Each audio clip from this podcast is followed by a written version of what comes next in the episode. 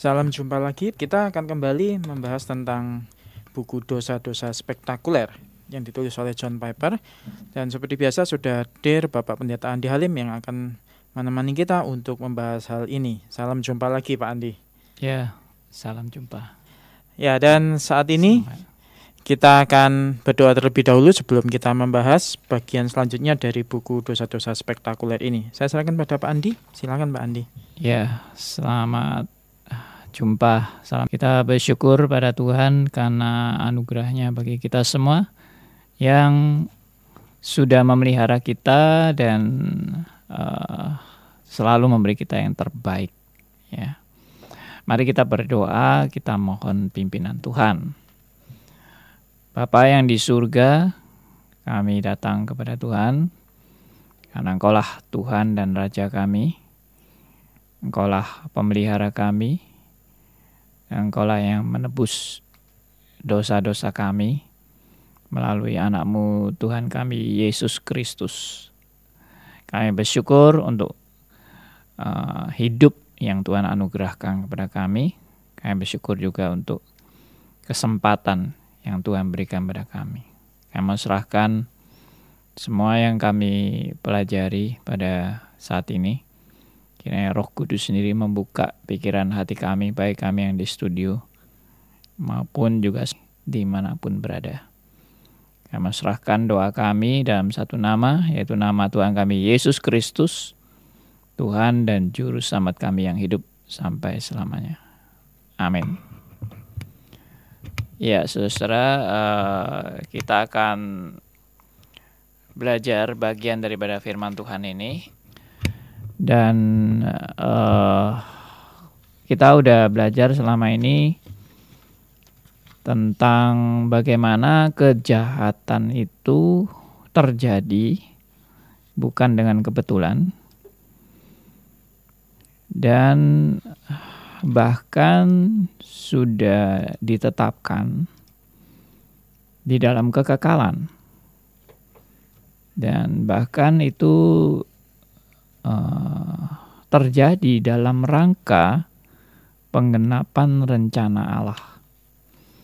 Nah ini yang luar biasa dan mungkin jarang kita dengar ajaran-ajaran seperti ini tetapi kalau kita percaya bahwa Allah itu berdaulat atas segala sesuatu dan uh, kedaulatan Allah itu tidak terkecuali ya dalam hal apa pun uh, baik perkara besar perkara kecil uh, Tuhan juga berdaulat maka dalam hal ini kejahatan juga termasuk dalam kedaulatan Allah jadi tidak ada perkecualian.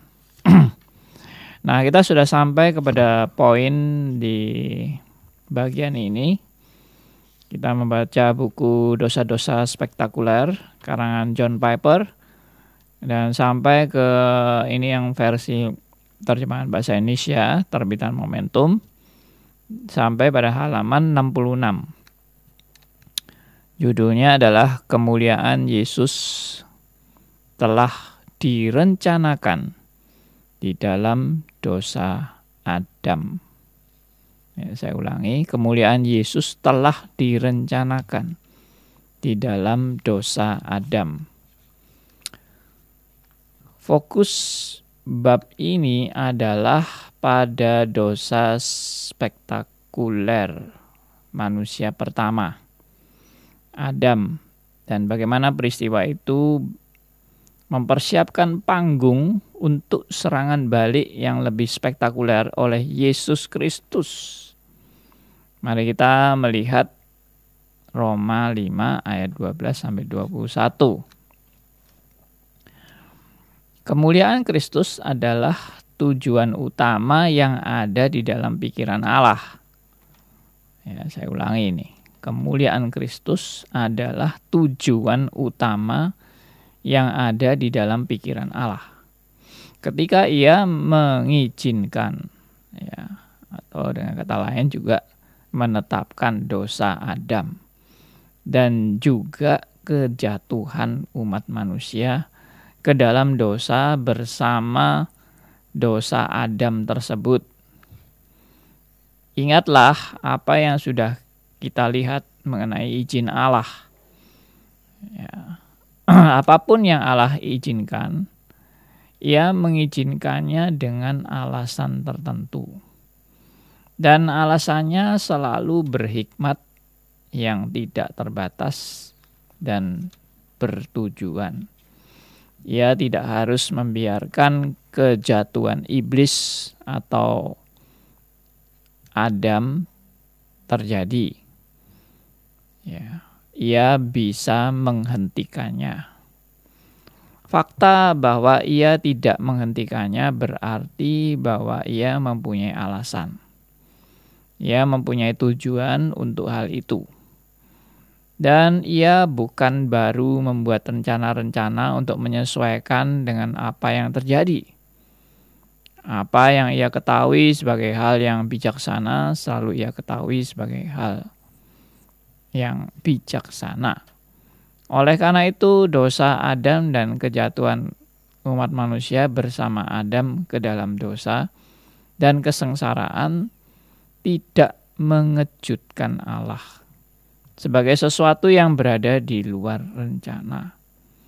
Dosa Adam merupakan bagian dari rencana yang menyeluruh yang bertujuan menunjukkan kesempurnaan kemuliaan Yesus Kristus. Salah satu cara yang paling jelas untuk menunjukkan hal ini dari Alkitab dan kita tidak memperhatikan secara rinci di sini adalah dengan melihat bagian-bagian di mana pengorbanan Kristus yang mengalahkan dosa ditunjukkan ada di dalam pikiran Allah bahkan sebelum dunia diciptakan. Sebagai contoh di dalam Wahyu 13 ayat 8 Yohanes menulis tentang setiap orang yang namanya tidak tertulis sejak dunia dijadikan di dalam kitab kehidupan dari anak domba yang telah disembelih. Jadi ada sebuah kitab sebelum dasar dunia dijadikan yang disebut kitab kehidupan dari anak domba yang telah disembelih. Sebelum dunia diciptakan, Allah telah merencanakan bahwa anaknya akan disembelih seperti seekor anak domba untuk menyelamatkan semua orang yang namanya tertulis di dalam kitab itu. Atau pikirkan 2 Timotius 1 ayat 9. Allah yang menyelamatkan kita dan memanggil kita dengan panggilan kudus bukan berdasarkan perbuatan kita, melainkan berdasarkan maksud dan kasih karunia-Nya sendiri yang telah dikaruniakan kepada kita dalam Kristus Yesus sebelum permulaan zaman. Kasih karunia atau anugerah yang menyamakan diberikan kepada kita sebelum permulaan zaman. Artinya, anugerah itu diberikan kepada kita bahkan sebelum ada dosa manusia, apa pun yang darinya kita perlu diselamatkan. Oleh karena itu, anugerah sudah direncanakan sebelum terjadinya dosa manusia yang memerlukannya itu. Hal ini berarti bahwa rencana Allah untuk menyelamatkan kita melalui anugerah bukanlah sebuah respon terhadap keputusan umat manusia untuk berbuat dosa. Anugerah yang menyelamatkan adalah rencana yang membuat dosa menjadi keniscayaan Ya, saya ulangi itu. Anugerah yang menyelamatkan adalah rencana yang membuat dosa menjadi keniscayaan. Allah bukan menemukan dosa di dalam dunia dan baru kemudian membuat rencana untuk membereskannya. Ia sudah memiliki rencana itu sebelum permulaan zaman dan rencana itu untuk kemuliaan dari anugerah yang menaklukkan dosa melalui kematian Yesus Kristus.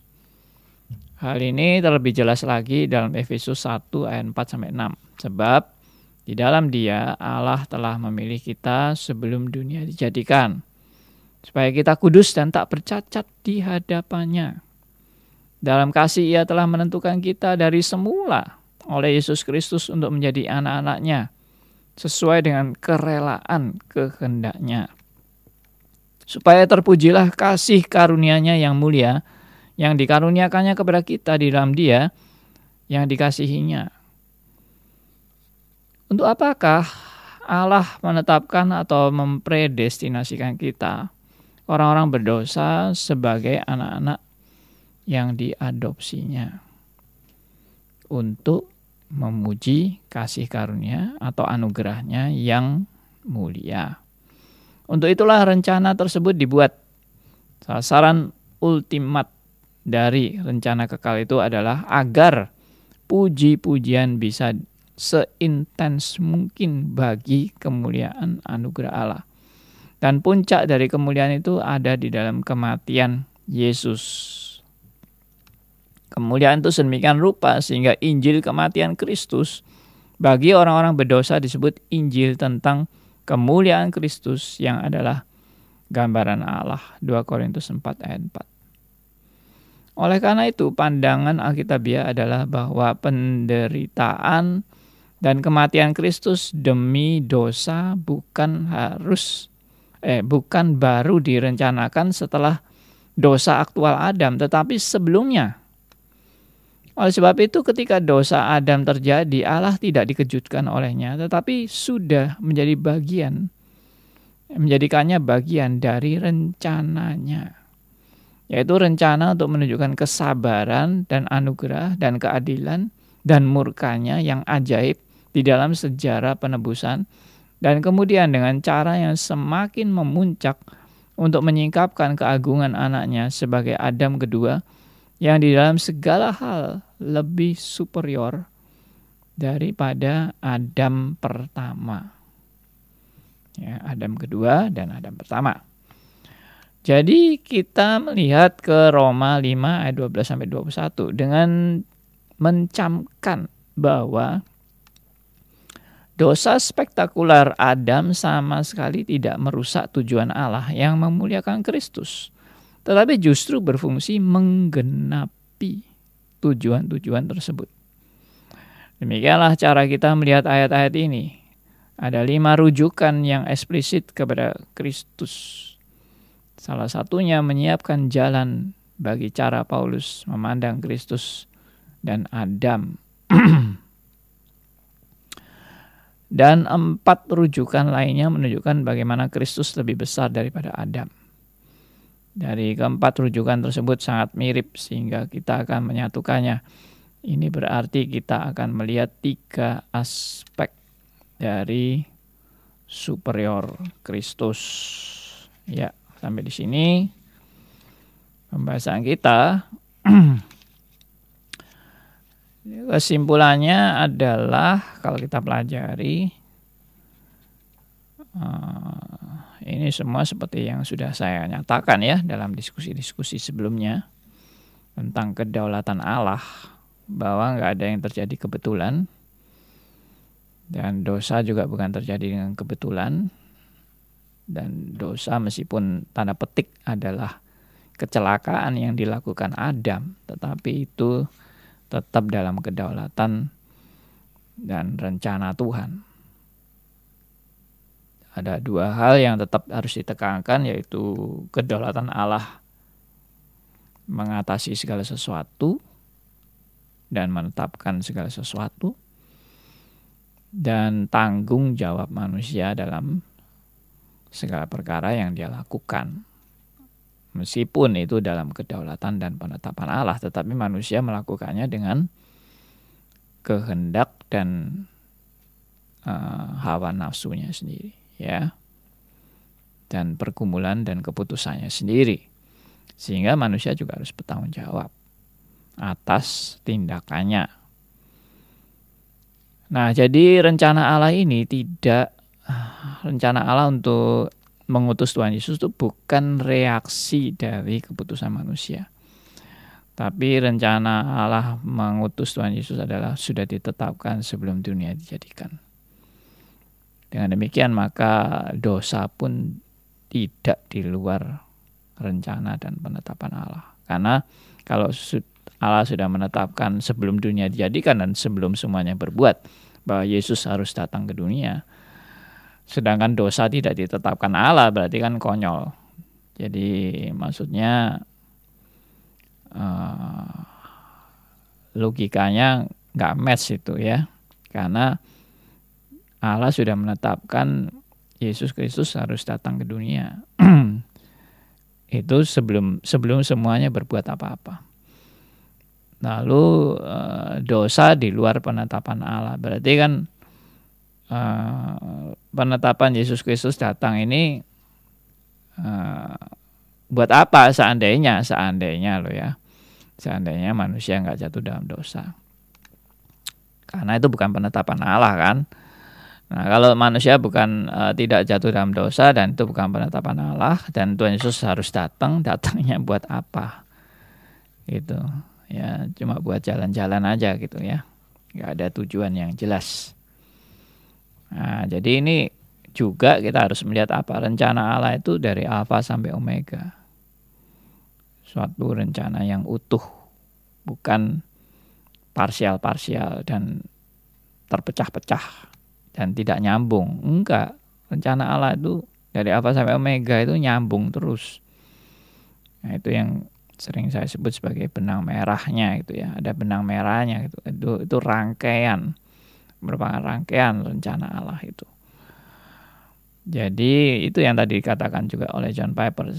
Saya juga sering kali mengulang kata-kata seperti ini bahwa Allah itu nggak akan kaget nggak akan terkejut dan tidak ada sesuatu yang di luar pengetahuan Allah di luar rancangan Allah. Nggak ada. Karena kalau itu di luar rancangan Allah berarti Eh, ala kebobolan ya. Kebobolan kaget lalu nggak nyangka-nyangka gitu ya atau di luar di luar prediksi gitu. Ya itu itu nggak mungkin. Mana ada bagi Allah di luar prediksi? Dan mana ada kejadian yang tidak direncanakan bisa terjadi? Itu namanya Allah salah perhitungan atau Allah tidak maha tahu juga atau Allah lemah, tidak berdaya, ada kejadian yang dia tidak inginkan tapi terjadi, berarti Allah itu lemah sekali dengan kejadian-kejadian seperti itu. Nah, ini suatu pengajaran yang bagi saya sangat-sangat uh, membuka pikiran kita yang tadinya kita berpikir keliru ya. Saya yakin semua orang itu seperti ada seorang penulis bilang eh, kita semua lahir itu secara Arminian gitu maksudnya cara berpikir Arminian itu cara berpikir uh, manusia berdosa pada umumnya gitu. Maksudnya ya Tuhan tuh tidak mungkin merencanakan yang jelek. Tuhan tuh tidak mungkin merencanakan yang jahat misalnya gitu. Uh, dan uh, dan kita manusia itu punya kebebasan ya kebebasan. Dan kita tuh punya hak untuk memilih apa yang kita mau. Jadi nasib kita ditentukan oleh pilihan kita sendiri. Nah itu kebanyakan manusia pikirannya gitu. Tapi akan sulit sekali uh, manusia menerima kebenaran ini bahwa Allah sudah menetapkan segala sesuatu dan Allah berdaulat atas segala sesuatu dan itu sering kali menimbulkan protes dan manusia nggak terima karena kita kok jadi seperti robot ditentukan semuanya dan kita tidak ada pilihan lagi dan kita terima nasib. Kalau nasib kita buruk ya buruk. Nasib kita baik ya baik. Jadi seolah-olah kita tidak punya kebebasan lagi. Nah itu protes. Manusia sering kali protes karena manusia itu selalu sudah diindoktrinasi kita itu bebas. Kita itu freedom. Kita itu berhak memilih apa yang kita mau. Nah, itu kebanyakan uh, pemikiran-pemikiran uh, manusia. Uh, kita lahir sebagai ya pemikiran-pemikiran Arminian. Itu wajar sekali ya. Lalu keselamatan misalnya. Kalau kamu nggak hati-hati, jalan hidupmu nggak hati-hati, kamu nggak jaga hidupmu, kamu akan kehilangan keselamatan. Nah itu wajar, itu pikiran manusia pada umumnya, normalnya gitu. Kalau kamu setia kamu selamat. Kamu tidak setia kamu tidak selamat. Ya itu wajar kan? Logikanya masuk akal. Tapi kalau ajarannya adalah kalau kamu sudah dipilih kamu pasti selamat. Nah, itu itu itu di luar kemampuan manusia berpikir. Itu itu namanya itu namanya sudah hal supranatural, suprarasional ya, mungkin kalau lebih tepatnya itu. suprarasional. Jadi berpikir yang di luar kemampuan manusia berpikir. Nah, inilah uraian-uraian seperti ini saya saya melihat sebagai hal-hal yang luar biasa di luar kemampuan berpikir manusia normal. Kalau Tuhan tidak mencelikkan kita, Tuhan juga tidak mencelikkan Rasul Paulus dan tulisan-tulisan Alkitab itu hanya tulisan dari akal manusia, tidak mungkin sampai menembus hal seperti ini. Ya, ini adalah pasti pikiran bukan dari manusia, ini pikiran dari Allah. Puji Tuhan dan saya percaya orang yang sudah lahir baru, orang yang dicelikkan oleh Roh Kudus akan terus berkembang bergumul pada kebenaran-kebenaran seperti ini. Sangat rugi sekali kalau saudara orang yang sudah lahir baru tapi berpikirnya nggak mau maju dan nggak mau betul-betul uh, merenungkan kebenaran-kebenaran yang sangat mendalam ini. Tapi ada orang mungkin berpikir, ah ini kan ini kan cuma apa sih kaitannya dengan keselamatan juga nggak ada gitu. Nah itu banyak orang pikir gitu ya. Ini kan tidak ada kaitan dengan keselamatan. Dan tidak usah pikir yang terlalu dalam-dalam lah. Buat apa? Tidak ada kaitannya dengan kehidupan sehari-hari. Yang penting kita berbuat baik. Nah itu. Ini pikiran-pikiran konyol yang yang yang itu tadi meniadakan seolah-olah uh, membicarakan akan kedaulatan Tuhan ini tidak ada gunanya. Salah besar ya. Salah besar. Saya sendiri waktu memikirkan kedaulatan Allah sampai sedalam ini, itu sangat membawa dampak yang besar dalam kehidupan saya. Juga dalam mengoreksi motivasi saya dalam menjalani hidup. Dan juga belajar bersyukur luar biasa dalam kehidupan ini karena semua itu kita sadar ini bukan karena kemampuan saya. Ini semua karena anugerah Tuhan. Ini bukan karena kehebatan saya sehingga saya pun tidak tidak merasa saya itu begitu layak eh, sehingga saya bisa diterima Tuhan gara-gara karya saya enggak. Karena kalau Tuhan tidak memberi anugerah saya enggak bisa apa-apa. Ya. Tuhan kalau tidak merencanakan saya, tidak melibatkan saya, saya ini nothing. Nah, itu itu itu jangan dikira itu tidak ada dampaknya dan jangan dikira itu tidak ada gunanya mempelajari hal seperti ini. Dan kalau kita percaya kedaulatan alam mutlak luar biasa, hidup ini tidak ada yang dikhawatirkan lagi. Artinya, hmm, gimana kalau saya hari ini mati misalnya begitu ya, atau wah gimana kalau kecelakaan, bagaimana kalau ada musibah dan sebagainya itu tidak ada yang kebetulan. Saya percaya Allah itu maha berdaulat dan Allah itu mengatur segala sesuatu tepat pada waktunya. Kalau saya harus mati hari ini ya itu yang paling tepat. Saya harus mati dan itu yang terbaik bagi saya.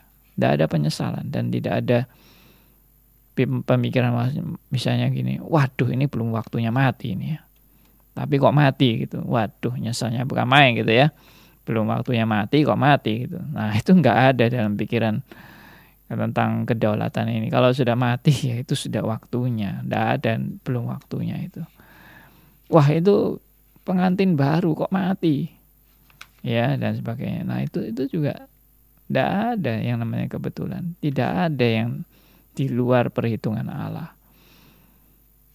Ya memang sedih, dan mungkin kita juga bertanya-tanya dengan musibah yang kita tidak bisa pahami. Bayangkan kalau ada orang baru menikah lalu suami atau istrinya meninggal. Waduh, itu rasanya malah petaka besar sekali ya. Itu sama seperti kita tahu-tahu tiba-tiba dia diagnose dokter kamu sakit kanker dan umurmu tinggal dua bulan lagi. Waduh itu malah petaka besar bagi kita. Tapi kita udah belajar ya bagaimana kita tidak menyanyiakan kanker yang Tuhan berikan kepada kita. Itu di buku sebelumnya ini. Buku uh, penderitaan dan kedaulatan Allah. Karena John Piper juga. Nah, jadi ya biarlah kita belajar seperti ini, makin lama makin bertumbuh, makin lama makin uh, belajar lebih dalam lagi, dan Tuhan akan terus memperlengkapi kita sebagai orang-orang percaya. Ya, Pak Andi. Kalau kita tadi bicara tentang pemikiran-pemikiran manusiawi yang begitu lumrah ketika melihat bahwa manusia seharusnya punya kebebasan dan punya hak begitu untuk mengatur hidupnya atau melakukan segala sesuatu. Nah, itu kan membawa kesulitan kepada pemikiran orang pada umumnya untuk menerima hal-hal seperti yang dinyatakan Alkitab begini. Nah, di zaman di mana manusia menuntut untuk mendapatkan penjelasan apalagi eh, biasanya orang mengacu bahwa kalau seperti dalam ilmu pengetahuan semuanya dianggap ilmu pasti semuanya eh, tidak tidak apa mengambang hmm. nah bagaimana ya kita menghadapi rasa tidak terima dari Uh, mungkin orang yang bertanya tentang hal ini atau mungkin ada para pendengar yang juga sedang bergumul wah ini kok rasanya sulit diterima atau hmm. bagaimana mengharmoniskan atau bisa membuat orang lebih menerima hal ini Pak Andi ya. Iya. Satu kunci ya untuk bisa menerima kebenaran ini itu yang saya juga alami sendiri. Kuncinya apa? Kuncinya menyadari siapa saya dan menyadari siapa Tuhan uh, Alkitab memberikan contoh bahwa kita ini tanah liat dan Tuhan itu adalah pembentuk kita atau penjunan kita. Dan uh, pembentuk tanah liat itu berhak untuk mau membentuk tanah liat ini dalam bentuk apa pun dan uh, sesuai dengan selera daripada pembentuknya. Dan dan tanah liat itu tidak bisa protes apa-apa. Artinya tidak bisa marah tanah liat itu. Kenapa kamu bentuk aku seperti ini? Nggak, nggak bisa protes karena ya itu hak haknya haknya dari pembentuk itu atau penjunan ini untuk mau menentukan saya mau buat kamu sebagai apa dan dan kita harus ingat bahwa bukan sekedar Tuhan itu penjunan gitu aja dan sembarangan berbuat segala sesuatu tentu tidak dong kita percaya Allah itu Allah yang maha, maha sempurna, maha bijak. Ya. Uh, tidak ada cacat dalam dalam pemikiran-pemikiran Allah. Dengan demikian saya lebih tenang gitu. Artinya ya saya hidup dalam anugerah Tuhan dan dan kebenaran ini mencelikan saya bahwa siapa saya dan siapa Allah itu membuat saya menerima, menerima dengan justru di tangan Allah saya itu sukacita gitu. Di tangan pembentukan Allah saya sukacita sekali. Ya. Lalu mungkin ada yang tanya, lo bagaimana kalau itu dibentuk untuk kemurkaan Allah? Apa orang itu bisa terima gitu? nah, saya yakin ya orang yang dibentuk dalam kemurkaan Allah itu. Dia dia tidak pernah berpikir bahwa oh Allah itu sangat bijaksana dan Allah itu sangat baik sehingga menentukan saya di neraka gitu.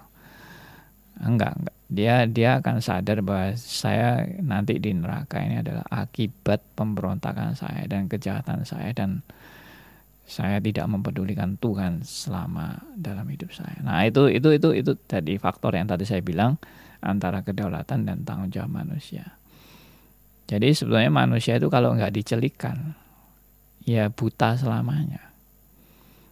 Dan dan orang yang dicelikkan itu orang yang mensyukuri. Dan orang yang tidak dicelikan nggak bisa mensyukuri. Karena pikirannya adalah pemberontakan terus dan pikirannya selalu uh, kejahatan terus yang dia pikir. Jadi orang yang bisa berpikir anugerah itu itu karena mendapat anugerah. Gitu.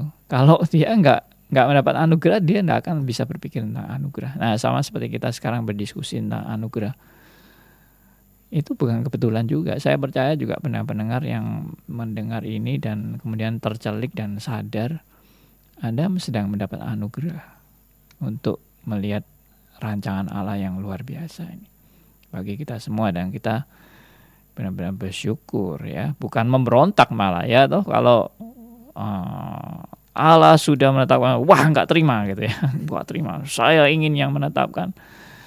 Ya berarti anda itu orang yang nggak ngerti anugerah kalau seperti itu. Tapi kalau anda mengerti anugerah, apalagi kita tahu kita ini seharusnya binasa dan Tuhan menyelamatkan kita. Ya mau protes apa lagi gitu. Kalau Tuhan sudah menetapkan Anda untuk diselamatkan, Anda kenapa protes? Anda bersyukur justru. Ya, kita seolah-olah kita ini sok berbelas kasih kepada orang-orang yang tidak ditetapkan untuk selamat misalnya gitu ya wah sok berbelas kasih nah itu saya bilang saya pernah bilang jangan merasa anda lebih berbelas kasihan kepada orang-orang yang ditetapkan untuk binasa seolah-olah uh, Tuhan itu tidak berbelas kasihan dan anda yang berbelas kasihan kita percaya Allah punya belas kasihan yang sudah begitu sempurna dan tidak salah dalam keputusannya. Ya sudah, serahkan sama Tuhan. Jadi itu itu yang saya kumulkan dan dan saya merasa lega gitu, lega dengan dengan kesadaran-kesadaran seperti ini. Bukan berarti kita menjadi pasif ya lalu ya sudah semua terapkan Allah, aku tidur-tidur aja, aku nggak usah usaha dan tidak. Makanya saya pernah pernah bilang juga anugerah Allah itu menghidupkan kita untuk kita belajar bertanggung jawab kepada Allah dengan sebaik-baiknya. Ya, do your best, lakukan yang terbaik bagi kemuliaan Allah. Kenapa saya bisa sadar lakukan yang terbaik bagi kemuliaan Allah? Kembali lagi karena anugerahnya. Kalau enggak karena anugerahnya, saya enggak akan sadar bahwa saya harus melakukan yang terbaik bagi Allah. Saya lakukan dengan sembarangan atau saya lakukan semua demi kepentingan saya sendiri ego saya, hawa nafsu saya, saya tidak berpikir tentang kemuliaan Allah. Tapi justru anugerah Allah itu yang membuat saya berpikir tentang kemuliaan Allah dan melakukan yang terbaik. Rasul Paulus mengatakan dengan anugerah itu aku kerja lebih keras daripada semuanya. Tapi bukannya aku, tapi karena anugerah Allah. Nah, itu luar biasa, ya. Ya, mungkin apa mungkin karena sering kali manusia itu sejak kecil dididik untuk dirinya menjadi patokan penilaian akan sesuatu hmm. ya Pak Andi ya. Betul. Artinya eh, kalau menurut kita benar ya kita jalani, kalau menurut hmm. kita salah kita tolak, yang kita tidak mengerti ya kita abaikan. Dan mungkin sering kali kita juga mendengar istilah-istilah seperti ikuti kata hatimu, ikuti hmm. perasaanmu, lalu hmm. eh, apa yang kamu putuskan ya jalani gitu. Seolah-olah hmm. semua hak dan patokan ada pada kita. Mungkin seperti itu ya membuatnya. Betul, sangat betul sekali. Jadi itu sesuai dengan filsafat yang dikemukakan oleh Nietzsche bahwa kita adalah tuan atas diri kita sendiri. You are the master. Ya toh? Kamu adalah tuan atas dirimu sendiri. Jadi tentukanlah hidupmu, nasibmu. Kamu tidak dikendalikan oleh siapa pun. Kamu dikendalikan oleh dirimu sendiri. Nah, itu itu itu spirit dunia. Dan dunia memang mendidik kita seperti itu bahwa bahwa uh, aku adalah tuan atas diriku sendiri. Uh, aku adalah masternya begitu. Dan aku yang menentukan nasibku. Dan aku tidak dibawa kendali siapa pun. Dan manusia memang itu manusia berdosa. Spirit manusia berdosa itu ingin merdeka. Merdeka semerdeka merdekanya dan tidak ditindas oleh siapa pun. Betul kan? Hmm. kita waktu kecil pun tidak suka diatur orang tua mungkin. Ya toh misalnya harus tidur siang atau belajar ya toh atau apa wah kita senangnya mainan eh, dan bebas kita bisa pilih apa pun yang kita mau ya Nah, dan itu kesukaan kita kalau kita bisa pilih apa pun yang kita mau. Jangan jangan diatur. Saya nggak suka diatur. Nah itu itu itu spirit pemberontakan dan dan manusia memang dididik seperti itu. Ya, saya ingat sekali uh, apa itu perumpamaan Pinocchio itu ya. Jadi Pinocchio juga pernah ingin bebas dan kemudian bergaul dengan dengan siapa pun yang dia inginkan akhirnya pergaulan dia merusak dirinya dan membuat dia malah terjebak dan membuat dia apa uh, ya justru hidupnya menjadi tidak bebas gitu. Dalam kebebasan dia malah nggak bebas. Nah itu itu manusia. Manusia kepingin bebas. Tapi dia nggak sadar dalam kebebasan itu dia tidak bebas. Dalam kebebasan itu dia sedang diperbudak. Nah itu ya. Justru kebebasan yang sejati adalah kita dalam ketidakbebasan. Tapi ketidakbebasan di dalam Tuhan. Itu kebebasan yang sejati. Ya, saya ulang, kebebasan yang sejati adalah ketidakbebasan di dalam Tuhan. Atau kalau pakai istilah kitab eh, kita ini adalah hamba dosa, maka kebebasan yang sejati adalah kita dimerdekakan dan menjadi hamba Allah. Nah, jadi dulunya hamba dosa, tapi kita sekarang merdeka. Tapi merdekanya nggak nggak merdeka lalu nggak menjadi hamba-hamba siapa pun. Tidak, kita begitu merdeka kita menjadi hamba Allah. Dan hamba Allah inilah atau budaknya Allah inilah adalah kemerdekaannya sejati. Karena kita berada di atas rel, relnya Allah. Itulah kemerdekaan sejati. Jadi sekali lagi saya kasih ilustrasi yang pernah saya paparkan, ilustrasi lokomotif itu ya. Ada lokomotif, yang berjalan di atas rel. Lalu lokomotif ini melewati taman yang waduh banyak binatang-binatang yang lari sana sini ya. Kuda berlari-lari, anjing berkejar-kejaran ya. Ya kucing juga mainan-mainan ya. Waduh. Lokomotif ini iri dengan adanya kuda, anjing ya dan mungkin ada kelinci loncat-loncat. Wah, dia ingin seperti itu. Dia ingin loncat-loncat. Lalu lokomotif ini bertindak ekstrim, dikeraskan jalannya, lalu dibelokkan, dia keluar dari rel, dia mau meniru kuda-kuda atau anjing-anjing itu atau kelinci yang berloncat-loncatan. Wah, akhirnya dia terloncat-loncat keluar dari rel. Tapi terloncat-loncat yang terjadi apa? Akhirnya dia terguling-guling dan menggeletak. Maka lokomotif ini ingin bebas. Tapi waktu dia bebas, dia tidak bebas. Waktu dia bebas, dia malah tergeletak dan tidak berdaya. Maksudnya bebas dari rel. Nah, kebebasan lokomotif itu di mana? Kebebasan lokomotif itu di atas rel. Ya. Jadi di atas rel itu dia sepertinya nggak bebas, tapi itu kebebasan yang sejati bagi lokomotif, yaitu di atas rel. Nah demikian juga kita, kebebasan kita yang sejati bukan di luar Tuhan, tapi justru di dalam Tuhan. Itulah kebebasan yang sejati. Ya, ini sesuatu yang berat mungkin ya dan perlu pergumulan untuk menerima meskipun mungkin untuk mengerti hmm. e, bisa mengerti tetapi menerima itu sesuatu yang lain sering kali Pak Andi hmm. apalagi melihat keadaan apalagi melihat e, ingin mengubah sesuatu tetapi tidak berdaya misalnya hmm. terkadang banyak orang e, memprotes kenapa kalau Tuhan e, menentukan segala sesuatunya harus seperti ini seolah-olah kalau misalnya saya hmm. jadi Tuhan, rasanya saya bisa buat planning lebih baik deh. Gitu ya. kan banyak orang berpikir begitu ya Pak Andi. Artinya uh. kalau memang Tuhan itu baik, kenapa tidak menciptakan dunia yang lebih baik, hmm. dunia yang lebih aman gitu ya, hmm. yang ya yang tidak terlalu bermasalah seperti hmm. itu. Kan ada orang yang berpikir seperti itu hmm. Pak Andi. Iya, nah, itu juga sudah dinyatakan tadi ya oleh John Piper bahwa segala sesuatu direncanakan Allah itu supaya Kristus yang dimuliakan. Jadi ada hal-hal yang kelihatannya nggak baik dan menyengsarakan manusia itu juga akhirnya ujung-ujungnya adalah supaya Kristus yang dimuliakan dan bukan dan bukan diri kita yang dimuliakan dan bukan hawa nafsu kita yang diturutin. Ya, saya bayangkan seandainya manusia ini hidup enak-enak, semua senang, nyaman gitu. Ya, mungkin sudah eh, bagi dia dia tidak memerlukan Kristus lagi gitu loh. Buat apa Kristus itu? Karena sudah dalam kenyamanan gitu.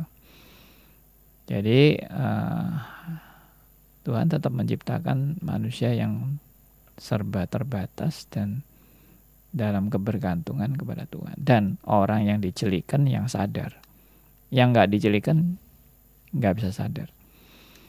Jadi contohnya ya uh, dulu ya ini ini ini fenomena yang kita lihat ya fenomena. Saya saya tidak tidak menjudge dalam fenomena. Tapi kelihatannya jelas gitu ya. Dulu contohnya ya dulu zaman perang perang dunia pertama kedua itu banyak orang-orang Eropa itu yang imannya luar biasa. Karena mereka berdoa dan menghadapi peperangan tuh waduh penuh dengan ketakutan dan kepasrahan kepada Tuhan. Maka terjadilah kebangkitan iman juga di tengah-tengah peperangan yang mengerikan seperti itu.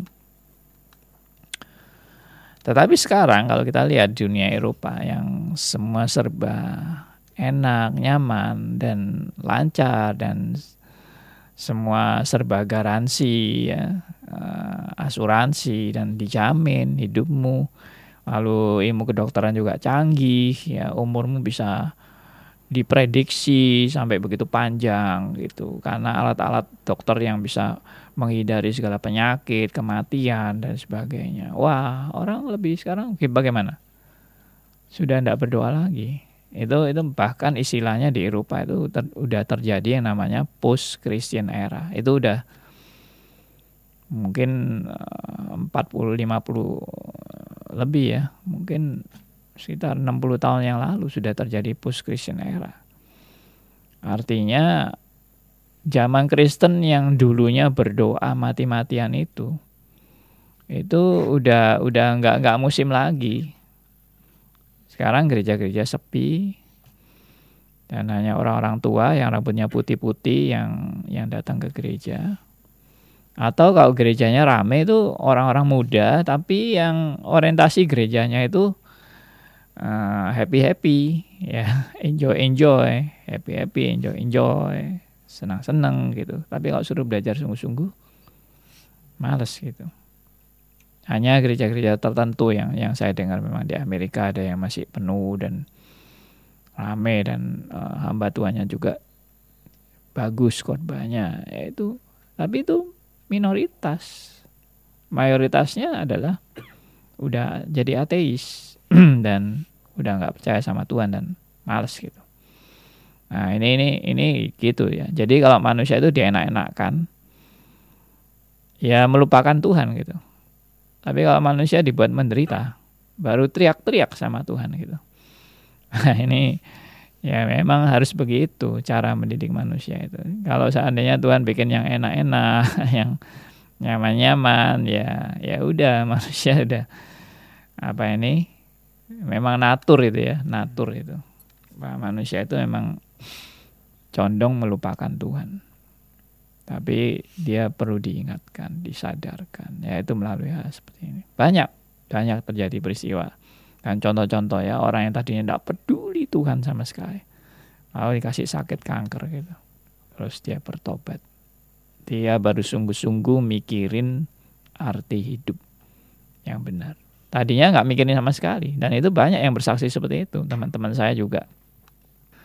Dan dia mengatakan dulu aku nggak mikir ya hidup itu gimana gimana nggak mikir tapi setelah ini Tuhan didik aku luar biasa melalui peristiwa nah itu ada pelajaran yang indah sekali dalam melalui penderitaan-penderitaan.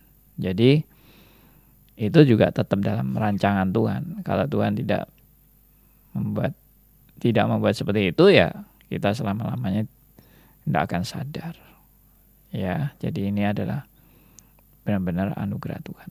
Ya saya harap kita semua dapat belajar dari ini bahwa meskipun ada hal-hal yang mungkin kita masih sulit menerima, hmm. kita perlu terus belajar karena kita melihat bahwa memang Allah yang maha bijaksana, yang maha kasih adalah Allah yang menentukan segala sesuatunya itu baik. Meskipun hmm. mungkin kita masih gagal untuk bisa hmm. melihat dengan dengan dengan begitu tepat, dengan begitu detail. Nah, yeah. Kiranya ini menjadi berkat bagi kita semua dan kita akan mengakhiri perbincangan kita hari ini Pak Andi silakan ditutup dengan doa. Ya.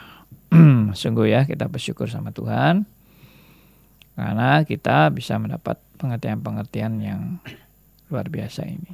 Dan ini bukan karena kehebatan manusia juga bisa mengerti seperti ini. Ini juga karena anugerah Tuhan. Ya, kita juga bisa beritakan kebenaran ini kepada teman-teman yang lain bahwa kita itu punya Allah yang berdaulat dan Allah yang tidak pernah salah dalam rancangannya. Dan kejadian Adam dan Hawa itu bukan kesalahan. Kesalahan dalam tindakan Adam dan Hawa. Tapi dalam rancangan Allah itu bukan kesalahan dan semua itu berjalan juga sesuai dengan keadilan kasih Allah, kedaulatan Allah dan uh, kesempurnaan Allah ya yang tidak bercacat dalam menentukan segala rancangan-rancangannya. Nah, kiranya semua ini boleh jadi berkat bagi kita semua. Mari kita berdoa.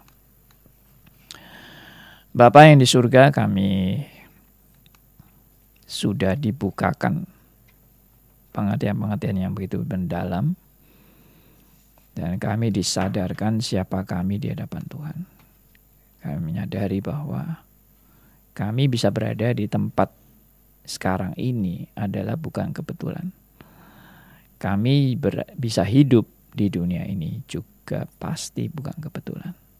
Ada rencana-rencana Tuhan yang luar biasa menginsyafkan kami dan tujuan hidup kami juga bukan untuk kesia-siaan.